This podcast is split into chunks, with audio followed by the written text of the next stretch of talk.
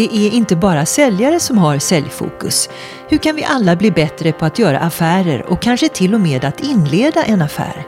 Nu ska du få vägledning om hur du kryssar bäst genom livet med säljfokus i Hjärntillskott med Lydia.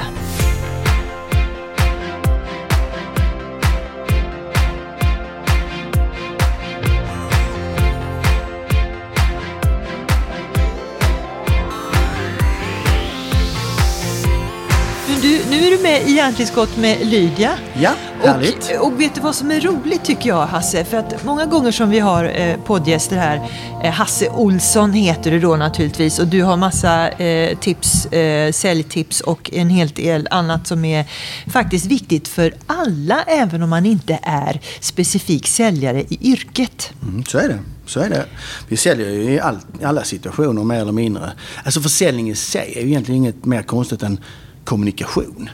Utan det handlar mer bara om att kommunicera på ett sådant sätt så att det blir någon form av win-win situation för båda parter. Mm. Men rätta mig om jag har fel. Ibland har man nästan tyckt att det här med säljare är lite fult. Mm. Säljare vill alltid lura en och så tänker man oftast på bilförsäljare som vill lura på, er, bil, lura på oss bilar som kanske inte funkar eh, så om man ska mm. överdriva. Du har ju varit en bilförsäljare. Ja, absolut. Jag, jag har jobbat med eh, både tränarbilsäljare och faktiskt sålt bilar. Eh, och Alltså det, jag vet faktiskt inte riktigt var det kommer ifrån. Det måste vara något gammalt att eh, man förknippar med bilhandlare och bilsäljare. Som jag, hästhandlare kanske? Ja, typ. Och det har jag också varit. Jag har ju sålt hästar i andelar. När, när jag låg i lumpen så för det är många år sedan. Då, då sålde jag faktiskt en häst i tio andelar. Så jag har en strategi som jag har kvar fortfarande. Sälj alltid skinnet innan du har skjutit björnen. Mm, det låter klokt. Så att jag sålde hästen innan jag köpte den helt mm, enkelt. Mm. mm. Så, så. Men, men det här med bilförsäljare. Så, alltså säljyrket i Sverige har ett oförtjänt dåligt rykte. Sen ska jag också säga att vissa branscher har tyvärr varit med och skapat det. Därför att man har inte utbildat säljare tillräckligt bra. Jag tycker inte man har haft tillräckligt bra syfte med sin försäljning utan det har varit mycket kränga och lura och, och, så. Och det är klart att det får alltid ett dåligt rykte. Men jag skulle också vilja säga att det finns säkert dåliga läkare, det finns säkert dåliga rörläggare, det finns säkert dåliga säljare. Det finns nog inom alla skrå. Mm. Men innan vi går in på detaljerna och säljtekniker så eh, kan du hålla med om ändå att kunden har väldigt stor makt nu tack vare nätet och att man kan kontrollera både varor och tjänster på ett helt annat sätt? Ja, absolut. Alltså, det är ju inte alls ovanligt att kunden har ett informationsövertag på säljaren. Är det dåligt för säljaren? Ja, alltså både och. Va? Men det är därför jag hävdar det här att man måste vända på hur man ser på kunden. Därför att det kunden kommer med det är ju baserat på det den har googlat och det den har fått till sig i olika former. Frågat sitt personliga nätverk. Det är ju den aktuella mentala världsuppfattningen och bilden som kunden har. Medan jag som säljare, jag måste försöka ta reda på om det som kunden säger är det de vill ha är det som också löser deras verkliga behov. Och då måste jag intressera mig mycket mer för kunden. Och kunden har inte alltid tid och är sugen på det för de tycker de redan vet lösningen. Så det, det är en ganska så komplex och svår situation för säljaren idag. Det är mm. det. Du kan ju vara ganska provocerande när du pratar om eh, försäljning. Du säger kunden har alltid fel, kundvård suger, kunskap är värdelöst. Mm. Eh, och samtidigt så vet jag att du brinner för försäljning, tillväxt och företagskultur. Så det känns ju det känns lite konstigt att du propagerar för det jag sa tidigare där. Ja, jo, jag kan förstå det. Men det handlar väl egentligen om att, att ta ett ansvar som säljande företag och säljare. Därför att det finns en stor risk att säljaren, den klassiska traditionella säljaren blir överflödig. Alltså om den bara förser kunden med det kunden frågar om och ber om. Alltså då är frågan vilket värde i kedjan har säljaren? Den blir ju bara en fördyrande omständighet om den inte tillför någonting annat. Så jag skulle vilja hävda att den säljande företaget eller säljaren behöver förse sina kunder med sin expertis, sin samlade kompetens, ge tydliga råd och rekommendationer, lösa problem som kunden själv inte har upptäckt. Men just på att vi har en högre expertis. Och det kräver naturligtvis en större insats av den säljande parten och säljaren i det här fallet. Mm. Så att det, det, är en mycket komplexare och svårare situation att vara säljare idag, tycker jag. Så insikter pratar man mycket om. att Kunden måste själv komma till insikt om att det den trodde att den hade som sitt verkliga behov inte var fallet. Det var någonting annat. Och då, om när vi kan hjälpa kunden med den mentala förflyttningen, då gör vi skillnad på riktigt. Men du talar om en helt annan typ av relation i modern tid till eh, kunden. Ja, eh, det gör jag. Det låter som det är väldigt mycket fysiskt och analogt i det jag säger. Och det, och det, det jag relaterar till är mycket analogt. Men med hjälp av många digitala verktyg så kan vi också faktiskt förutse kundernas behov. Eh, och därmed också hjälpa dem att tänka innan de själva har upptäckt behovet. Mm. Men, men, så det, det, är en kombination mellan både det personliga och det digitala som man definitivt kan använda för att verkligen tillgodose kundens behov. Men jag tycker det här låter som både kundvård och att kunskap är viktigt. Du säger ju motsatsen när du pratar. Ja, du är klurig du. Eh, nej, men, men, nej, men med kundvård menar jag ofta att det finns också ett förläget, det kanske är förknippat med den gamla typen av säljare också, att man ofta försöker bevara, vara rädd om det man har och skydda det mot attacker utifrån, det vill säga konkurrens. Eh, och då försöker man ha en övertro till att gulla med kunden och tro att de sociala relationerna är liksom det som enbart är det, det som säkerställer. Vi går ut och krökar ner varandra på hockey så får, får vi samma avtal nästa år så är alla happy. Men vi, egentligen har vi inte tillfört något värde till den kunden. Utan jag vill prata om kundutveckling istället för kundvård. Hur kan jag bli mer värdefull för min kund framöver? Hur kan jag hjälpa min kund att bli mer framgångsrik i det de gör? Då tror jag att jag blir viktig. Men att bara bevara status quo och det vi har, det tycker jag är alldeles för defensivt. Och för vem är då kunskapen värdelös? För jag ger mig inte här för vad du har sagt tidigare. Nej, jag hör det. Ja. Nej, men så här, alltså, kunskap är naturligtvis en förutsättning för att kunna göra saker. Men om man inte använder den så har den i sig inget värde. Eh, och jag brukar ju skämtsamt ta, ta mina extra kilon som exempel. Va? Och det är klart att all förändring sker på två sätt. Man måste börja göra någonting annorlunda som man inte gjort sedan tidigare. Eller så får man sluta göra någonting som man gör sedan tidigare. Men det är klart att jag har ju den kunskapen jag behöver för att gå ner mina extra kilon. Problemet är bara att jag inte använder den. Jag är ju inte på gymmet eller i löparspåret tillräckligt ofta. Jag äter ju fortfarande kakbufféer och lösgodis eh, som jag vet inte bidrar till en viktminskning. Eh, så att jag har all kunskap jag behöver för att bli av med dem men de är ju ändå där, de där kilorna. Så att i sig har den inget värde. Tycker du? Jag tycker du ser jättefin ut. Ja, du är snäll. Tack snälla. Sen har du röda hängslen på dig då också. Det hjälper. Eh, jag tror jag förstår vad du menar. Men låt oss då, vi kan ju inte prata försäljning utan att prata om e-handel som har mm. satt väldigt mycket upp och ner nu för vårt medvetande. För nu är det ju inte längre att hela tiden titta på varandra när vi köper och säljer. Hur ska man hantera säljtekniken när allting går på en webbsida? Mm. Den är, den är klurig och jag tror bara det är att konstatera att många säljyrken kommer att bli de blir betydligt färre. Därför att den enkla transaktionella försäljningen där produkten och erbjudandet är så tydligt definierat och det är enkelt för mig att jämföra. Det är enkelt för mig att bilda mig en uppfattning om det är en seriös säljare och om produkten är den den utger sig för att vara. Eh, och det, då är frågan liksom, varför behöver jag den fysiska säljaren i, i, det läget? Och det gör du inte i många fall. Så att, jag tror faktiskt det var i USA man gjorde en undersökning att det fanns inom ett visst segment 18 miljoner säljare. Under en sjuårsperiod räknar man att 13 miljoner av de säljarna kommer att försvinna. Det vill säga att det är bara 5 miljoner av 18 miljoner kvar som säljare. 13 miljoner försvann. Varför det? Troligtvis för det du precis beskrev. De behövs inte. Därför att viss försäljning är så pass enkel och transaktionell att det inte behövs en säljare. Men hur kan man vidareutveckla eh, kund och säljrelationen genom eh, e-handeln då? Ja, alltså, först vill jag säga, jag är ingen expert på, på e-handel så det ska jag inte utge mig för att vara. Men jag, jag, tror också att vi har mycket att lära, att e-handeln har en hel del att lära utav den, den traditionella försäljningen. Till exempel som den personliga kontakten, i alla fall business to business, är att det finns ett stort värde i den fortfarande. Sen kan, säga, kan den bli för dyr när man pratar business to consumer. Så kanske den fysiska, eller förlåt, den, den personliga kontakten är för dyr att ha kvar i vissa skeenden. Men, men jag ser ju nya möjligheter inom e-handeln att vidareutveckla den med hjälp av fysiska säljare. Åh, oh, där kan vara värt miljoner det du säger nu. Ja, Berätta, hur vidareutvecklar man? Ja, men jag, jag kan ju säga att man, ibland har man en övertro till det digitala. Man tänker, ah, okej, okay, vi har en webbshop så löser det allt. Ah, initialt så är erfarenheten att den ställer till med rätt mycket bekymmer om man inte har gjort rätt från början.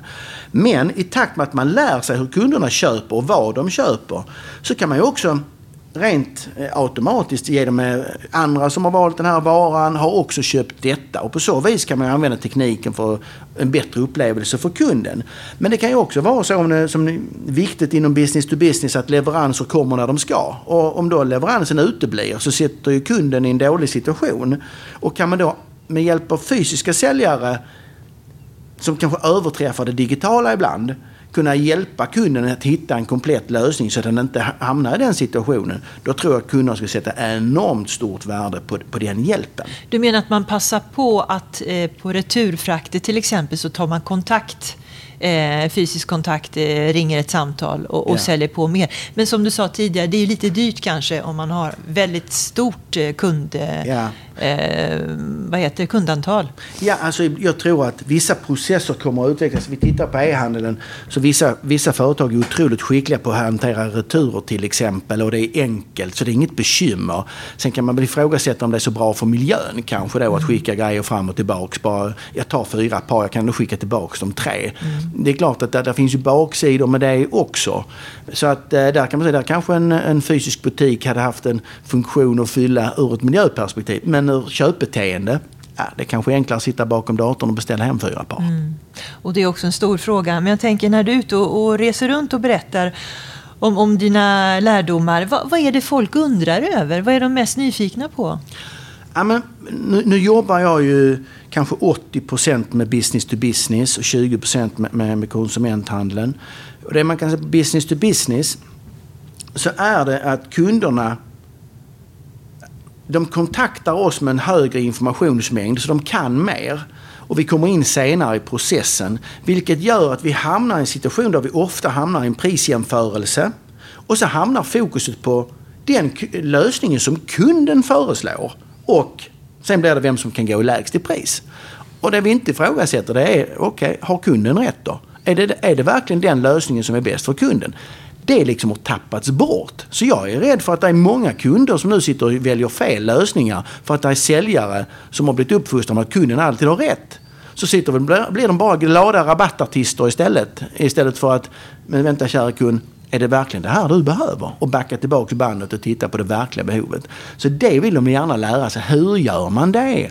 Hur kan man förmedla insikter till kunden? Ja, jag förstår det. Eh, kan man säkra den här prisdiskussionen redan i kontaktskedet? Att man säger, jag förstår nu att säkert många andra kommer vara billigare. Men mm. tänk på det här och det här. Alltså ska mm. man prata pris redan vid första eh, mötet eller kontakten? Ja, min erfarenhet, nej, jag skulle säga svar nej. Eh, min... Det blir jag förvånad över. För det är ändå en stark konkurrenskraft som du nyss sa. Men berätta, jag, det är du ja. som kan det här. Ja, nej, ja, alltså det är min personliga uppfattning. Och min personliga uppfattning är den att om du kan få kunden att komma till insikt om vad som är den lösningen som absolut skulle tillföra störst värde för den kunden. Så tror jag liksom att då spelar priset inte så stor roll. Men om vi börjar med priset då blir det mer så, vad kan jag få för pengarna? Och det kanske inte ens är good enough. Men det var ungefär vad pengarna räckte till så att jag får väl ta det då. Och så blev det en, en ganska dålig lösning för kunden. Mm. Så att jag skulle nog vilja vända på det. Vänta så länge. Men sen är det klart man får vara, vilken härad pratar vi om så vi inte hittar på lösningar som sen är way off för kunden. Så det där har jag inte råd med. Men jag skulle vilja ha det.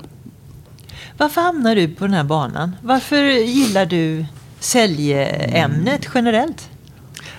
Ja, det är rätt, intressant. Jag hörde redan på högstadiet att jag kommer jobba med försäljning när jag blev vuxen.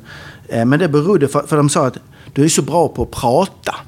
Eh, och, och, det är kanske det största misstaget eh, vi säljare gör. Det är att vi pratar alldeles för mycket. Vi borde använda öronen istället och lyssna. Eh, så de hade rätt fast fel. Eh, jag började naturligtvis med försäljning. Men och de första åren var jag fruktansvärt dålig. Eh, Vad var ditt första jobb då? Jag sålde faktiskt hästsportsartiklar. Jag hade ett kort innan. Men, det jag tänker på som mitt riktiga det är att jag sålde hästsportsartiklar till butiksledet. I Ystad? Ja, mellan Trelleborg och Kalix faktiskt. Jag reste, flängde en hel del faktiskt. Och, men jag måste säga jag var nog mest en glad informatör. Alltså jag, det var ju mitt intresse faktiskt för hästarna också som gjorde att jag hamnade där. Men, men det räckte inte med ett hästintresse för att bli en supervass säljare säljare, måste jag säga. Men vad gjorde det att du till slut faktiskt lärde dig av din erfarenhet? Ja, det var att jag faktiskt, eh, jag, fly, jag, flyttade till Stockholm och tog ett jobb på 100% provision och fick två otroligt, eh, för mig, värdefulla chefer som var väldigt duktiga på och förstå försäljning och framförallt lära ut och säga gör så här. Och eftersom jag inte visste bättre och tyckte det gått rätt dåligt innan tänkte jag jag gör som de säger. Och hör och häpna, det fungerade. Vad så, sa de till dig då? Ja, men det var väl att eh, ändra min struktur i säljsamtal, att våga lyssna med att ställa frågor. Det, det kanske är ett av de största enklaste tipsen jag har att dela med mig utav. Alltså vill man bli bättre på försäljning så lär er ställa öppna frågor till kunden. Och när man har ställt dem, lära sig vara tyst. Mm. Så man får verkligen lyssna på kunden. Var ge, ge mig ett exempel. Ja, men var genuint intresserad av kunden och försök förstå den. Ett, ett tydligt exempel. Om jag säger så här. Eh, Lydia, vilken är din favoritfärg? Gul eller rosa? Mm. Så tänkte jag, eh, ja, ingen av dem. Mm. Eh, det är faktiskt marinblå. Så blev, hamnade jag fel, för att min första fråga var öppet ställd. Vilken är din favoritfärg? Fast sen stängde jag den genom att ge dig alternativ. Och det är ett klassiskt exempel. Hade jag bara sagt så här, vilken är din favoritfärg? Så kan du svara precis vad du vill. Turkosa. Eller hur? Eller hur va? Och då får jag ju reda på det som är ditt verkliga svar. Mm. Inte det jag vill projicera över på det, gul eller rosa. Det kanske beror på att jag bara har gul och rosa att sälja. Så därför vill jag att du ska säga någon av dem. Men det är inte genuint intresserad utav dig, för det var turkos. Hur kombinerar du då ditt hästintresse och säljintresse nu för tiden? Då? Ja, det där är faktiskt rätt så roligt. Eh, jag har inte haft eh, häst på 15 år, men faktum är under 2018 så köpte jag in mig i små andelar igen. I små levande andelar? Ja, faktiskt i travhästar. Så, så, jag har inte kört travhäst på över 23 år.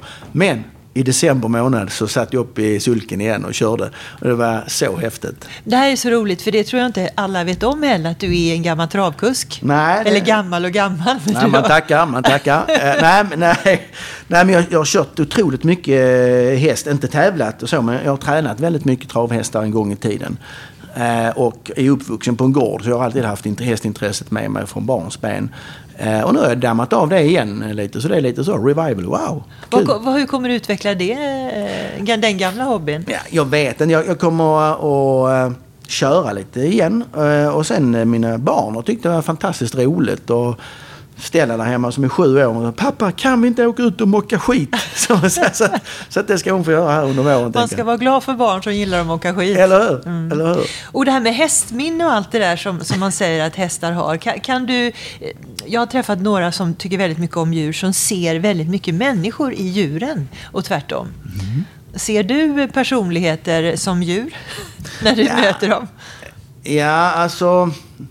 Nej, det kan jag inte föra över det på personer utan snarare på det andra hållet. Att jag kan, om man håller på med djuren, att, liksom, att man kan identifiera sig. Liksom man, man ser ju vilka som har god handlag med djur till exempel. Och det kan man också se på vilka som, nästan på personer man träffar. Att den där personen har nog ett gott handlag. Alltså de är någonstans empatiska, kan känna in eh, få liksom kontakt med allt och alla. Eh, lyhörda skulle jag nog vilja mm. säga. Och för det är djur extremt.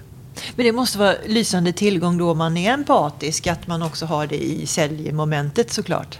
Jag skulle säga det, det vi säljare är ofta alldeles för självupptagna och har för mycket fokus på att vi ska få sagt det vi skulle. Istället för att fick jag reda på den informationen jag behövde var jag tillräckligt intresserad. Så man behöver ju flytta fokus från sig själv över till den man pratar med. Mm. Och det behöver många säljare behöver nog en, en mer empatisk dos. Mm. Det skulle jag nog kunna säga, men, inklusive jag själv. men du tittade lite strängt på mig när jag raljerade över bilförsäljare. Ja, men absolut. Ja, men det, det, är så här, jag tycker det är lite oförtjänt. Det är så lätt, det kommer upp så ofta. Eh, jag, det är en gammal ja, eh, myt. Så, ja, alltså de jag, kan säga, de jag har tränat eh, de sista fem sex åren här. Det är superproffsiga säljare med hög affärsmoral och etik. Och det, det, finns säkert några dåliga också, men, men jag måste säga de, de är otroligt ambitiösa. Det finns faktiskt få branscher som utbildar sina säljare så mycket som, som faktiskt bilbranschen Det är väl också en mer komplicerad affär med fler möjligheter till finansiering och bilarna i sig själva är ju en hel vetenskap. Ja, det är det. Eh, och det är lika bra vi städar av det andra exemplet också när vi ändå är igång. Lite Tele det? telefonförsäljare. Ja. Eller hur? Ja. Så, och det, det, det, är, det är ju också... Det, det är samma där. Det finns många otroliga... Jag är så fruktansvärt imponerad. Tänk att sitta och ringa åtta timmar om dagen och så kanske få 40 nej. För, bli avvisad 40 gånger. Eller liksom. avvisad, man kan bli riktigt oförskämt Ja, behandlad va? Absolut. Och, då, och sen nästa dag så är det bara på det igen. Va? Och nå, någonstans där tycker jag att eh, det, det, det imponerar på mig. Det, det kräver lite pannben att stå ut med det. För de flesta av oss skulle ta det alldeles för personligt och bryta ihop redan till förmiddagskaffet. Liksom. Ja. Så att det, det är en enorm... Men du, jag får lite dåligt samvete när vi pratar om telefonförsäljning. För så många duktiga, oftast är det unga som hör av sig. Mm. Eh, och det passar ju inte när de ringer, oavsett vad ärendet är. Man har inte ens lyssnat på vad ärendet är. Och så säger de, nej men när passar det då? Imorgon? Ja, ring du imorgon. Mm. Ja. Och så är man av med dem. Och de Ja. faller lite grann i den fällan. Har du några tips till telefonförsäljare så de inte hamnar där? Jag, jag har egentligen ett tips till, till alla kunder istället. Alltså när det är så att det verkligen är helt ointressant. Alltså du säger det bara för att du inte vill säga nej nu och så tror du att du är snäll. Så är du jäkligt taskig egentligen. Var ärlig och säg att det finns ingen bättre tid. Jag vet att du, du kommer ringa jättemånga. Ta nästa på listan för jag är inte där. Nej. Så snälla, för din egen skull, ring nästa på numret och fråga inte om du ska ringa tillbaka imorgon. För, för du kommer få samma svar då. Ja, och sen ärligt talat, ibland är ju ämnet intressant men man har inte tid just då. Så blir det Nej. ändå den hänvisningen. Men Ja. var uppriktig som kund är väl din take-off på det där. Ja men det är det faktiskt. Eh, Och, och där, återigen, där tycker jag, det är en, jag, jag brukar eh, analysera så, när jag köper något på telefon så brukar jag fundera på varför gjorde jag det? Varför köpte jag nu? För det är, ofta, det är återigen, det är ju någon som har påkallat min uppmärksamhet utan att jag har bett om den. Och sen ändå så köper jag. Och, och det beror oftast på att de har ju hjälpt mig att hitta något behov som, som jag hade men som jag inte hade på min egen agenda. Så de gör ju en viktig skillnad för mig. Men jag kommer också på vem jag köper utav. Och jag tror återigen, likability är, oerhört viktigt. Är man för forcerad, låter man som en robot som läser manus till så tappar man bort det genuina personliga. Så jag tror den där empatiska förmågan där är jätteviktig igen. Likability, där är the key. Det, det, du, det ska jag tänka på när jag själv försöker träffa folk och övertyga dem. Eh, 17 sekunder sa du tar det för kvinnor, tjejer att avgöra om de gillar varandra. Ja. Och då tänker jag så här, jag räknar faktiskt 17. En, två. Det är enormt länge. Ja, men det är jättelång tid. Ja. eh, och sen kan ju det här diffa fram och tillbaka naturligtvis. Men var har du fått den siffran ifrån? Ja, och det- varför är den viktig? Nej, det, det är så att jag tycker den är... Jag har fått siffran från en, en amerikansk kvinnlig föreläsare som heter Terry Sjödin, men faktiskt med eh, svenskättling. Jag försökte få hit henne eh, för, för fem sex år sedan, men jag lyckades inte då. Hon är jätteduktig i presentationsteknik. Eh, och då berättade hon detta för mig när jag, när jag pratade med henne på telefon. Av någon anledning kom vi in på detta och då sa hon att det var skydd. Så hon baserade det på en undersökning och tyvärr har jag inte exakt källa på det. Men det var därifrån jag fick det. Och hon tycker det liksom... Hon tog upp det ur, ur perspektivet att likability är en viktig vad ska man säga, ingrediens i relationen. Och, då, och då börjar jag bygga på det lite grann. Så jag har gjort en, en liten egen analys där jag tror att det består av tre steg. Li- Frågan, ställer man frågan så, vad är det enskilt viktigaste att uppnå eller lyckas skapa i sitt första möte med en ny person eller en ny kund? Då säger de flesta förtroende. Och det är jättebra, fast fel. Eh, Vad jobbigt. Ja, eller hur? Ja. Nej, nej, men därför, är- jag tror att det är så här att jag tror det är likability. Det är det viktigaste. För vi gör affärer med folk vi gillar. Inte bara de vi har förtroende med. För att även om du är hur förtroendefull som helst men jag inte gillar dig. Så kommer jag leta efter ett alternativ om det finns. Ja, det är jobbigt också. Eller hur? Så jag tror det börjar med likability, trust, förtroende och sen deal, affär. Jag tror det är den ordningen. Så jag tror att det första man ska lycka- lyckas sätta det är att vi gillar varandra. Och om vi gillar varandra så kanske vi vågar utbyta och skapa någon form av förtroende för varandra. Och lyckas vi med det, då kanske vi till och med vågar göra affärer med varandra. Eller inleda en affär om det är en pri- privat relation. Men jag tror det är den ordningen. För jag tänker så här, det kan, måste vara privat som du inledde med att säga det här i andra sammanhang. Jag tror ju, även om det nu finns en massa datingsajter och sånt, va, så tror jag ändå mycket Även om du läser innan, det här verkar vara en oerhört förtroendefull och, och rejäl tjej och kvinna. Henne, hon verkar ju väldigt, väldigt bra måste jag säga. Det är synd hon är så förbannat tråkig bara.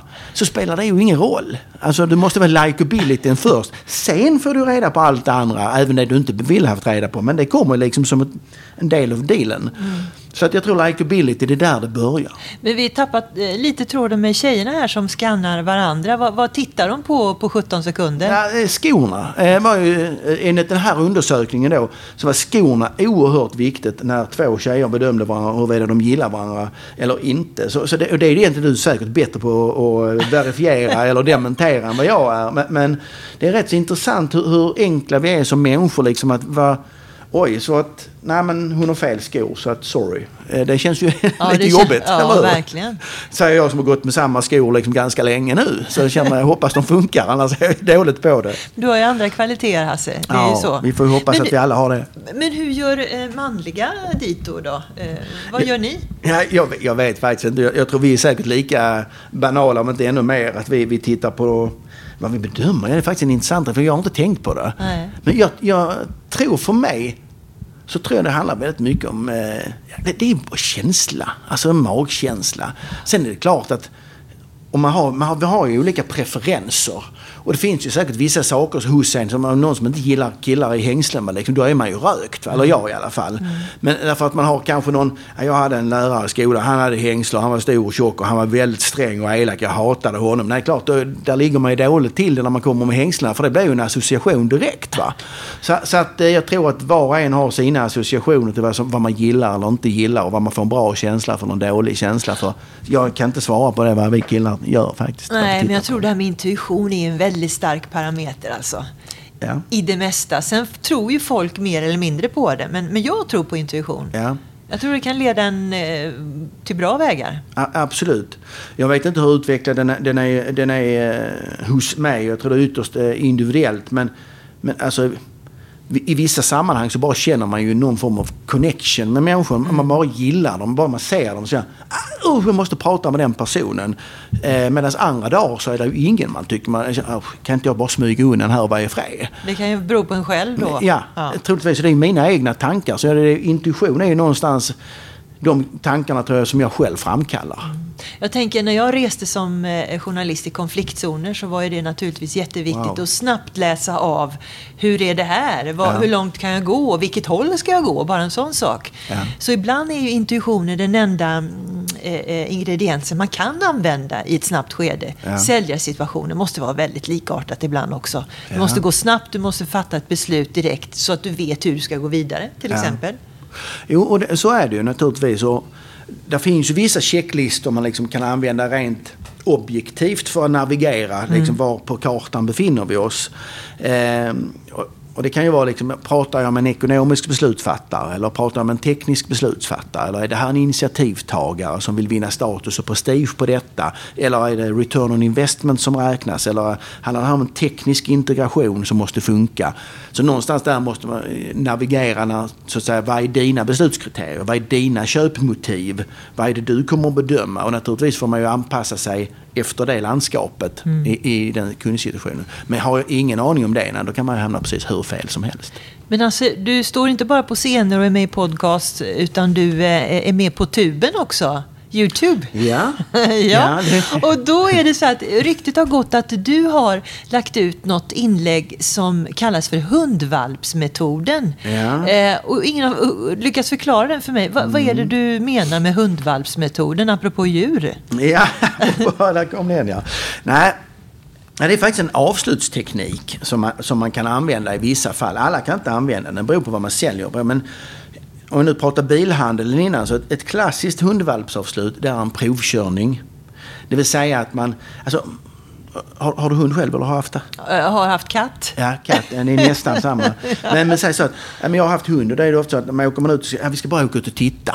Ja, på lite valpar. Yeah right. Eh, Man kommer ut där så naturligtvis sätter man sig ner på huk och mot sig kommer det naturligtvis ett åtta veckors svart jättefruktansvärt monster bara Ja, det är tittar på en. hemskt. Så bara sitter man där och bara, Åh, gulle dig. Och så tar man upp den, lägger den uppe, vid halsen, på hjärtat och så, och så, och så känner man den sniffar en på halsen lite. Man säger, Åh gud så söt den är. Är den inte lite mindre än de andra? Undrar om, undrar om den får tillräckligt med mat här. Och den verkar lite utstött, eller vad säger du? Va? Mamma verkar inte alls bry sig om den att vi tog upp en av hennes valpar. Får du, åh, får du ingen uppmärksamhet av mamma, stackars dig.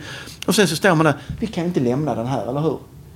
Nej, Nej. nej. exakt. Och sen har man den med hem. Och så säger han, ja men du kan ta den på prov över helgen. Ja, eller hur? Vad är sannolikheten att man står på måndag? Ja, då har vi haft den över helgen. Ja. Nej, vi vill lämna tillbaka den. Alltså det kommer ju inte ske. Eh, och samma sak gäller med, med, med en bilprovning, eller förlåt, en provkörning med en bil. Då, va? Att man är ute och provkör den, man testar alla tekniska finesser, man, eh, doften är där och man provkör. Wow, vilken fantastisk bil! Jag vill ha den! Skriker hela kroppen, precis som med hundvalpen. Och så säger vill helst inte vara utan. Det vill säga, jag vill lämna, inte- lämna inte tillbaka valpen och egentligen vill jag bara ha den här bilen med mig hem. Kan ni behålla den gamla? Och det, det handlar om att få prova på, testa, smaka, känna, lukta. Inte vilja vara utan. Så det kan man säga, i en matvarubutik till jul med pepparkakor, ädelost, ölkorvar, glögg. Det är hundvalpsavslut alltihopa. Det man står och provsmakar. Ja, nej, man kanske skulle ta en flaska glögg då. Eller den där korven var inte så dum. Så, men vi hade inte en tanke på att köpa den där korven innan vi kom in i butiken. Nej, vet, jag, jag tänker nästan på Tinder nu, men det är kanske, för man är, det är kanske mitt på dagen om man är lite...